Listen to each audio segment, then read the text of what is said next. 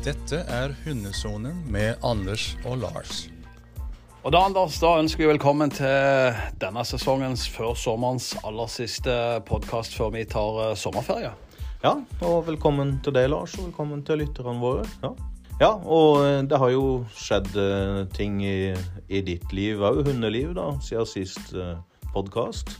Det har det. Jeg har vært og testa Sina på eh, Forsvarets eh, hundeskole og funksjonsanalyse, og ja, jeg kan si at hun besto den eh, veldig bra.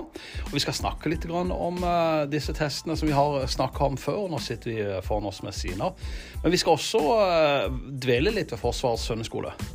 Det skal vi. Det syns jeg var eh, kjempehyggelig da, å få nyhetene fra det. Og så vet jeg at du har fått snakka med noen av de profesjonelle som jobber der og har dette som fulltidsjobb, så eh, Ja, jeg snakka med Trond, og øh, han er som Iallfall sånn som jeg ser det, kanskje en av de fremste, etter mitt skjønn, i, i, eller blant de fremste i landet når det gjelder både hundetrening og det gjelder det å, å plukke ut hund til dette formålet.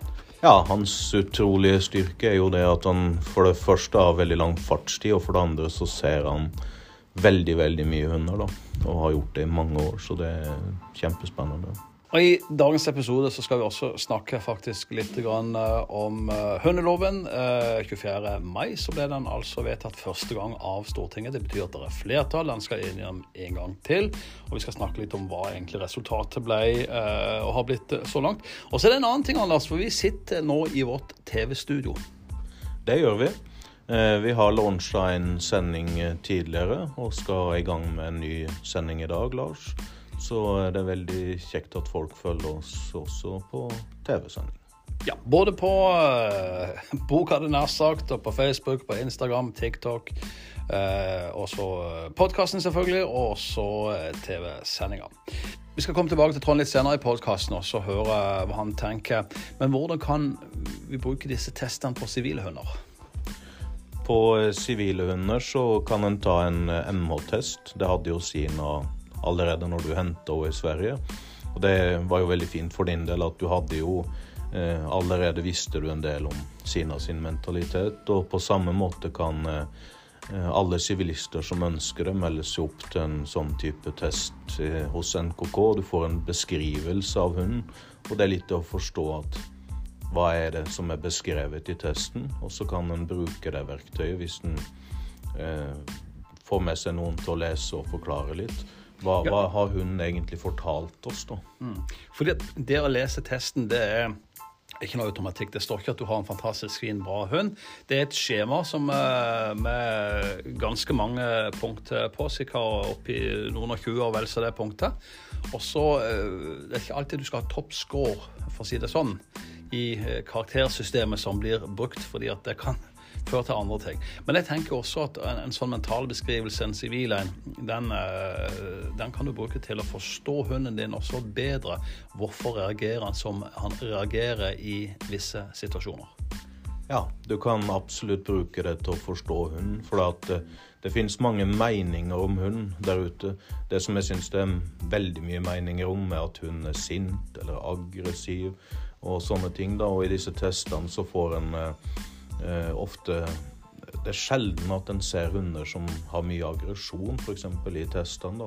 Men en kan finne ut at hunden kan være ømfintlig for lyd eller andre påvirkninger, og da må en ta det med seg. Kanskje er hun redd eh, for noen situasjoner, og en får også med seg det med eh, hvorfor liker hun å belønne seg med å rive gardina, eller å så, ja, det, og det kan være en sånn selvbelønnende. Det kan rett og slett bare bety at hun har mye drifter, og så må man selvfølgelig styre det. Da da kommer vi jo alltid tilbake til lydighetstrening og det at hun må kunne slappe av hjemme i andre situasjoner. Men en kan rett og slett eh, få en del svar, da. Eh, Og det er ikke sikkert at det som eh, naboen påstår om hunden, er det som er svaret, da. Nei, for det finnes mange som også gjør på Facebook og andre sosiale medier. Det finnes mange eksperter i anførselstegn der ute som eh, Og noe av det morsomste jeg hører, det at ja, hunden min er veldig glad i å snuse når den går på tur, så det kunne blitt en god sporhund. Og det er ikke sikkert den har de egenskapene som skal til, fordi det er ganske naturlig for en hund å gå og snuse faktisk når han går tur. Ja, det er sånn som Nå har jeg testen som du og Sina gjennomførte hos Forsvaret. Det er helt andre ting enn å gå og snuse som sier noe om hunden er egnet for å bli en tjenestehund og gå og spor. Det er driftene til hunden som er beskrevet her. da. At hun må ha Det sier seg jo egentlig sjøl, en jakthund må ha interesse for å jakte og ha ja, de egenskapene i seg. Det er helt noe annet enn hvor mye han går og snuser på forskjellige ting når han er ute og går tur. Det, det er ikke relevant, sånn som jeg ser det. Ja, og så er det sånn med forsvarsfunksjonsanalyse at den testen tar du bare én gang, og så er det vinn eller forsvinn. Enten så består du, eller så består du ikke. Og består du ikke, så er det ut og over. Da må du enten skaffe deg en ny hund, eller finne deg noe annet å gjøre. Ja, det må du. Da er han uh, pensjonert fra Forsvaret, og jeg synes, det må jeg bare si at uten å kjenne Forsvaret så godt som du gjør, så synes jeg allikevel at Forsvaret er veldig, veldig flinke til de hundene som har talent, blir plukka ut. Og da er det bare å akseptere det at nei, og det sier ingenting om den dårlige hunden. Det sier ingenting om hvilken hund en skal velge til å ha som familiehund, turhund, alt annet. Det sier bare noe om en rettferdighet for hunden, at for det er ikke det å jobbe i Forsvaret med alt det du skal gjennom, det vil ikke være rettferdig for denne hunden. For denne hunden er det et annet liv som vil være det mest rettferdige. Og det er ikke for alle hunder å ha en profesjonell jobb. Nei, det er ikke eh, Jeg tenker også, iallfall hvis du går til den sivile biten av det, en uh, mental beskrivelse sier jo altså, som vi sier, også noe om hundens også mentale egenskaper uh, oppi det. Og selvfølgelig også beskriver han det behovet eller hvordan hunden framstår. Gjerne den dagen, for det, hunder også kan ha Men stabile hunder har som regel stabile tester, tenker jeg. Jeg tenker at uh, stabile hunder har stabile tester. Det er ikke sånn at uh, hvis de ikke var syke eller noe annet, så, så, tenker jeg at uh, det er helt rettferdig. Det vi så den dagen, er mest sannsynlig beskrivende, med, med mindre Men, men du, jeg har lyst til å fordi at vi kikka jo begge to på mentalbeskrivelsen før vi henta Sina, og så har vi nå tatt en funksjonsanalyse. altså Mentalbeskrivelsen ble tatt sivilt i Sverige, og så så vi denne her eh, tatt nå i, i uh, Norge. Og eh, vi visste jo, når vi plukka ut hva vi var på jakt etter, uh, hvilken hund vi ville ha. Ja, det var det ingen tvil om at det er et samsvar mellom den testen som var der, og den testen som er i Forsvaret. Og den utfordrer hunden enda mer, den testen her. Men det var allerede sånn at en visste jo veldig godt at denne hunden likte å bli belønna med litt kampleik. Eh, det var mye jaktlyst i hunden. Mm. Og jeg husker jo at allerede tidlig så, så syns jeg det var hyggelig å se at dere to òg hadde den matchen dere hadde, da, helt uavhengig av testen. Men, men mm. en visste noe om det. Og hvis jeg kan si det litt videre med en mentaltest, eh, så tenker jeg at hvis jeg var ute etter den perfekte familiehunden, så ville jeg hatt mange flere score på to og én her enn det du har, som er veldig mange score på fire og, og femmere. da. Ja, og Det, det betyr bare at uh, hvis en skulle, skulle hatt en, var på jakt etter en schæfer som familiehund, så måtte vi lavere ned på en del aktivitetsnivå, men du ville allikevel ønske å ha en hund, som uh, tålte uh, høy lyd og, og, lite dominans og ingen aggresjon. Ja, og det er akkurat den biten. Den ville, ville en fortsatt veldig, veldig gjerne hatt på en, en familiehund. At den avreagerer og den er viktig uansett. Den er veldig, veldig viktig. Og jeg, det er ikke dette på nyttårsaften vi har hatt eh, det som tema på egen podkast nyttårsaften, men, men, jeg ser sjøl at uh, selv på nyttårsaften så er det ikke noe respons på raketter. Men det trigger det heller ikke. Men det ser jeg også ut av testen her, at det er ikke noen reaksjoner på smell og bråk. Nei, den, uh, hun avreagerer veldig fint hele tida, da. Og en hund som ikke avreagerer, det vil være en hund som er mer krevende i en del situasjoner. Det går jo på at uh, Eh, noen hunder kan bjeffe på folk som, ja, som opptrer annerledes. Eh, det er dette med høye smell, skrammel.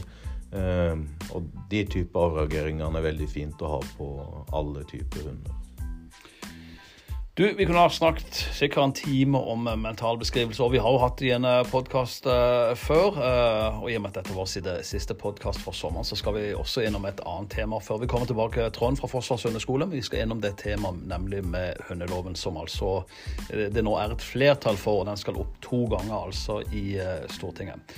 Uh, og I utgangspunktet så, uh, så, er jo den nye hundeloven slik at den stiller krav uh, bl.a. til kompetanse når det gjelder hundeeier.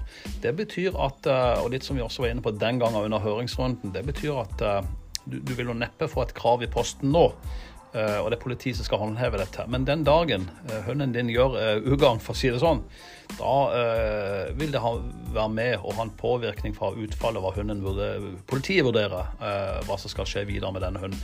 Om eier har et formelt kompetansekrav. Ja, det er det. Eh, og det er jo akkurat det som kan være litt forvirrende, tenker jeg. Da, at det er ikke sånn at du tar lappen først, og så kjøper du det en valp. Men det er idet du havner i en situasjon som da vil en kunne ja, en må dokumentere, og det er jo litt sånn hvordan uh, håndterte du sjøl situasjonen, da.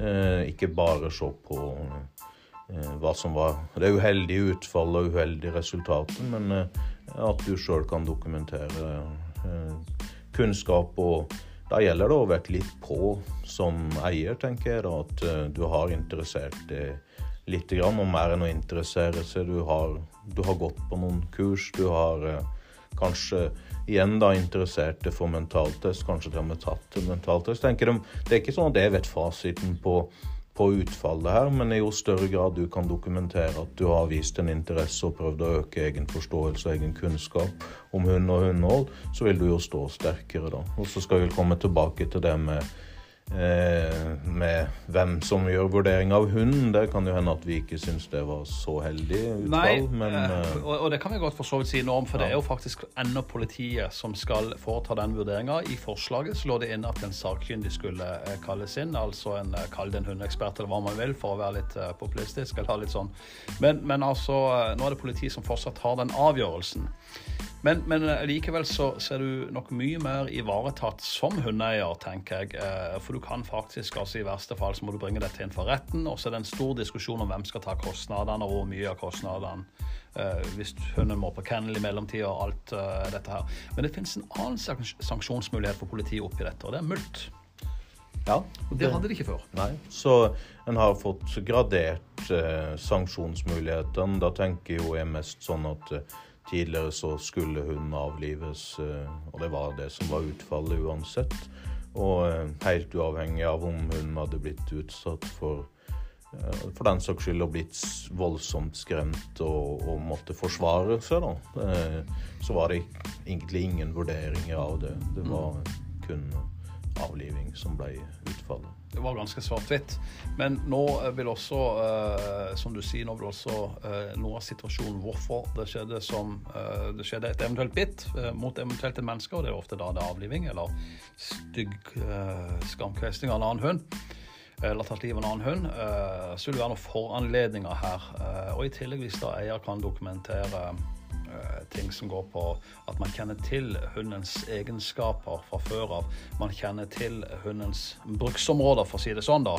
Så kan det være med på å eh, Det kan være en fordel iallfall med den type dokumentasjon. Ja, og så syns jeg generelt sett òg dette her med at uh, en del situasjoner som skjer i dag, da, er jo blitt altfor svart-hvite. Beiten, gjorde han det egentlig? Eh, altså sånn opp imot hundens naturlige atferd. Jeg mener absolutt ikke at en hund skal bite mennesker, da, men også som du sier, to Det har alltid skjedd opp gjennom at to, to hannhunder, to tisper eller hva som helst har, har fått en liten krangel ved postkassa eller noe sånt. Altså, det er noe med å sette det inn i et større bilde og i det hele tatt eh, Det er tross alt et dyr vi, vi er med å håndtere, da. Det er det. Og vil du lese mer om uh, den nye hundeloven, så kan du søke det opp på regjeringa.no. Der er det beskrevet en del om hva som ligger i dette. Og så skal de gjennom en runde til nå i Stortinget, men jeg forstår allerede at det er flertall. Ja. Så uh, alt i alt tenker jeg dette er en forbedring, og at vi beveger oss uh, i en mer positiv retning, da. Ja, for det er nesten 20 år siden denne hundeloven sist ble oppdatert. Og det skjedde vel på bakgrunn av at barn ble drept, tror jeg. Ja, og eh, det husker vi jo. En veldig tragisk situasjon. da Han husker jo en del om hundeholdet til den som hadde disse hundene. Og der var det stilt mange spørsmål, da. Og da kan en jo gå tilbake til med Og det er den husky-farmen? mm. Ja. Det var vel alt ifra om uh, de rett og slett hadde nok mat til dem og oppfølginga, og mm. var veldig mye rundt det. da. Eh, og da kan en jo selvfølgelig stille spørsmål om kompetanse, og har du kompetanse til å ha så mange hunder, og greier du å følge dette opp, og veldig, veldig mange spørsmål en kan stille der som er veldig relevante, tenker jeg. da. Nå skal vi tilbake igjen til Forsvars eh, hundeskole, og så skal vi høre hva de ser på når de skal eh, lete etter hund. Veldig spennende, så det gleder vi oss til. Det vi ser etter, er individer som er selvstendige, eh, som har evnen til å ta valg i stressa situasjoner, og som er eh, omgjengelige med en resten av en patrulje. En del plukker også ut hunder etter hvor sosiale, de er. hvor sosiale hundene er. Hvor viktig det er. Det viktigste med hundene er at de er omgjengelige i forhold til den patruljen hunden skal jobbe med. Eh, sånn sett. Eh, de skal jo også kunne tilpasse seg sivile liv eh, for de hundene som ikke bor i kennel til daglig. Så det er en veldig viktig faktor for oss. Men hvordan er det å hente og finne disse hundene? De hundene som vi prøver å skaffe til veie til Forsvaret nå, er kjøpt gjennom en politiets dynamiske innkjøpsordning. Der eh, kjøper vi hunder gjennom en, en pool av oppdrettere som driver med målretta avl av tjenestenemnder i Norge og Sverige. Så, så i utgangspunktet så, så er det god tilgang til individer. Når dere nå tester de, hva skal de bestå? Nei, Hundene blir jo testa i forhold til de sosiale egenskapene. De blir testa i lek, eh, jakt og kamplyst. Eh, Det sosiale testes. Og så det handler om å sette hund i situasjoner eh, og se hvordan hund takler situasjonene. Press. Ja, du kan kalle det et press, du kan kalle det eh, hverdagslige situasjoner. Eh, for hundene skal jo være i stand til å takle eh, forskjellige typer oppdukkende ting som foregår da, eller skjer rundt hunden. Mange tenker at tjenestehunder de skal være galne og fyres opp. Hva tenker du om den myten? Jeg tenker at eh, det viktigste for oss er at hun fungerer som en sensorkapasitet sammen med en patrulje. Eh, For har du en hund som er aggressiv, lite sosial, som ikke egner seg å jobbe sammen med andre patruljemannskaper, så ønsker man ikke å ha med seg hund på de forskjellige typer oppdragene. Så for oss er det viktig at hunden er sosial om, eh, omgjengelig, og at han har muligheten til å jobbe selvstendig og sammen med andre soldater. Du fortalte litt om det sensorkapasitet. Eh, Hva mener du? Nei, Vi har jo masse type sens, forskjellige typer sensorer i Forsvaret. Eh, En av sensorene er jo hund. Og hund som en sensorkapasitet handler om at hun skal detektere eh, personell. Bekrefte om personell har vært i skogen eller i omgivelsene våre, eller bekrefte at det ikke har vært noen i omgivelsene rundt oss. Og som en sensorkapasitet skal du da eh, kunne eh, lokalisere folk med hjelp av et overvær. Bruke vind til å lukte folk som er i skogen. Du skal kunne bruke ørene dine for å høre at det er annen aktivitet som ikke hører hjemme i området. eh, sånn sett, Og du skal finne ut om eh, folk har eh, gått, eller andre har gått i området der hvor du patruljerer, i form av at hun skal fange opp spor, eksempelvis. Hvordan vil du beskrive det å bruke hund som sensor kontra det å ikke ha med hund, f.eks. på en patrulje? Man har jo masse historie på at hund fungerer godt som en sensorkapasitet. Det handler om å plukke riktig sensor til riktig oppdrag. Men det er jo ikke noe tvil om at man har veldig ofte en positiv, positiv virkning det å ta med seg en hund på en patrulje. da. Så det er jo et godt hjelpemiddel. Og så har, vi, har du sagt noe om eh, det at han bl.a. bruker nesa i arbeidet sitt, men også hørsel. Ja, det er jo viktig at hund skal jo være en sensorkapasitet. Eh, Hun skal ha muligheten til å detektere det som er foran oss eh, i området der hvor vi jobber. Eh, Om hun fanger opp lukt i bakken, lukt over bakken, eller fanger opp lyder som ikke hører hjemme i terrenget, så spiller ikke det noen rolle for oss. Det viktigste er at hundeføreren kan lese hunden og se at hun forteller at her er det noe som ikke hører hjemme i, i skogen. Hvor lang tid vil du si det tar å utdanne en hundeekvipasje sånn i snitt? En hundeekvipasje det kommer jo litt an på eh, i forhold til våre vernepliktige som får en godkjent hund når de kommer på en utestasjon, eller en ekvipasje i Heimevernet som starter med en valp på åtte uker eh, og skal trene opp den. Men i, i snitt så er jo ca. to år eh, det som jeg ser for meg av utdanningstid da, hvis man starter med en valp. Og da handler jo det veldig ofte det første, første året, 14-16 måneder, handler om å gi hunden en trygg oppvekst og masse gode erfaringer i livet.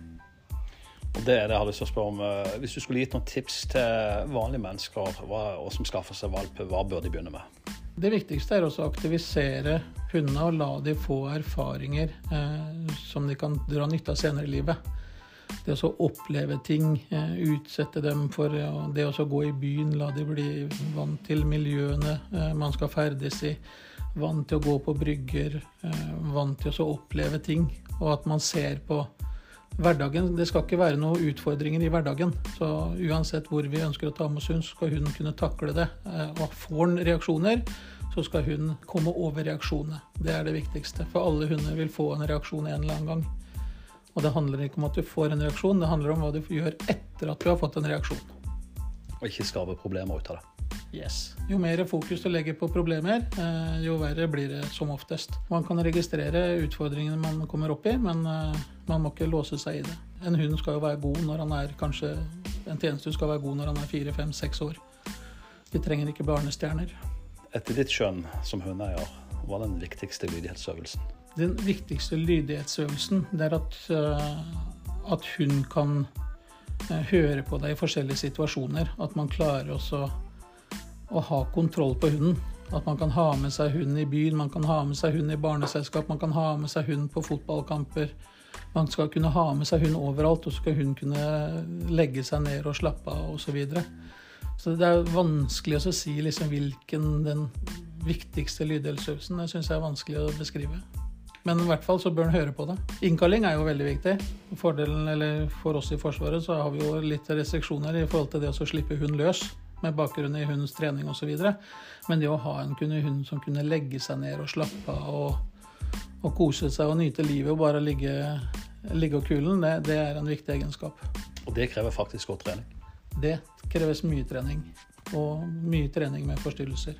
Så har du en hund som hører på deg, og en hund som kan uh, ligge og slappe av, og er god til å legge seg og slappe av, så har du, har du kommet langt på vei. Da var det sesongavslutning av Lars. Det har vært eh, veldig hyggelig å følge lytterne og de som vi har hatt med oss som gjester. Hvordan føler du lytterne? ja, det er sant. ja, det var veldig, veldig, veldig hyggelig det her, Lars. Da har vi eh, gått gjennom en sesong og hatt en del, eh, synes jeg, er veldig spennende gjester. Så ja, jeg er helt enig, og så har vi jo faktisk uh, vi har jo faktisk hatt bortimot Bare når det gjelder podkasten, så har vi nærmere 17 000 uh, nedlastninger nå i løpet av egentlig ganske kort tid. Det går stadig oppover. Vi har mange folk som kontakter oss om problemstillinger, og de er ikke alltid like lette å svare på mail, og det er ikke alltid vi kan svare heller, eller rekke å svare. Og så har vi jo travle tider. Vi har hatt under et valpekurs, og vi skal i gang. Det siste vi vil gjøre for sommeren, det er jo et kurs for videregående lydighet, og det gleder jeg meg til litt.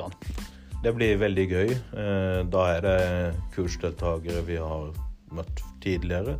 Veldig kjekt å se eh, utviklinga tilbake igjen på kurs og lære mer.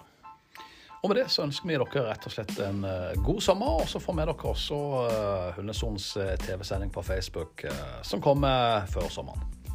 Ja, det har vært veldig hyggelig. Takk for nå. Takk for nå, Anders.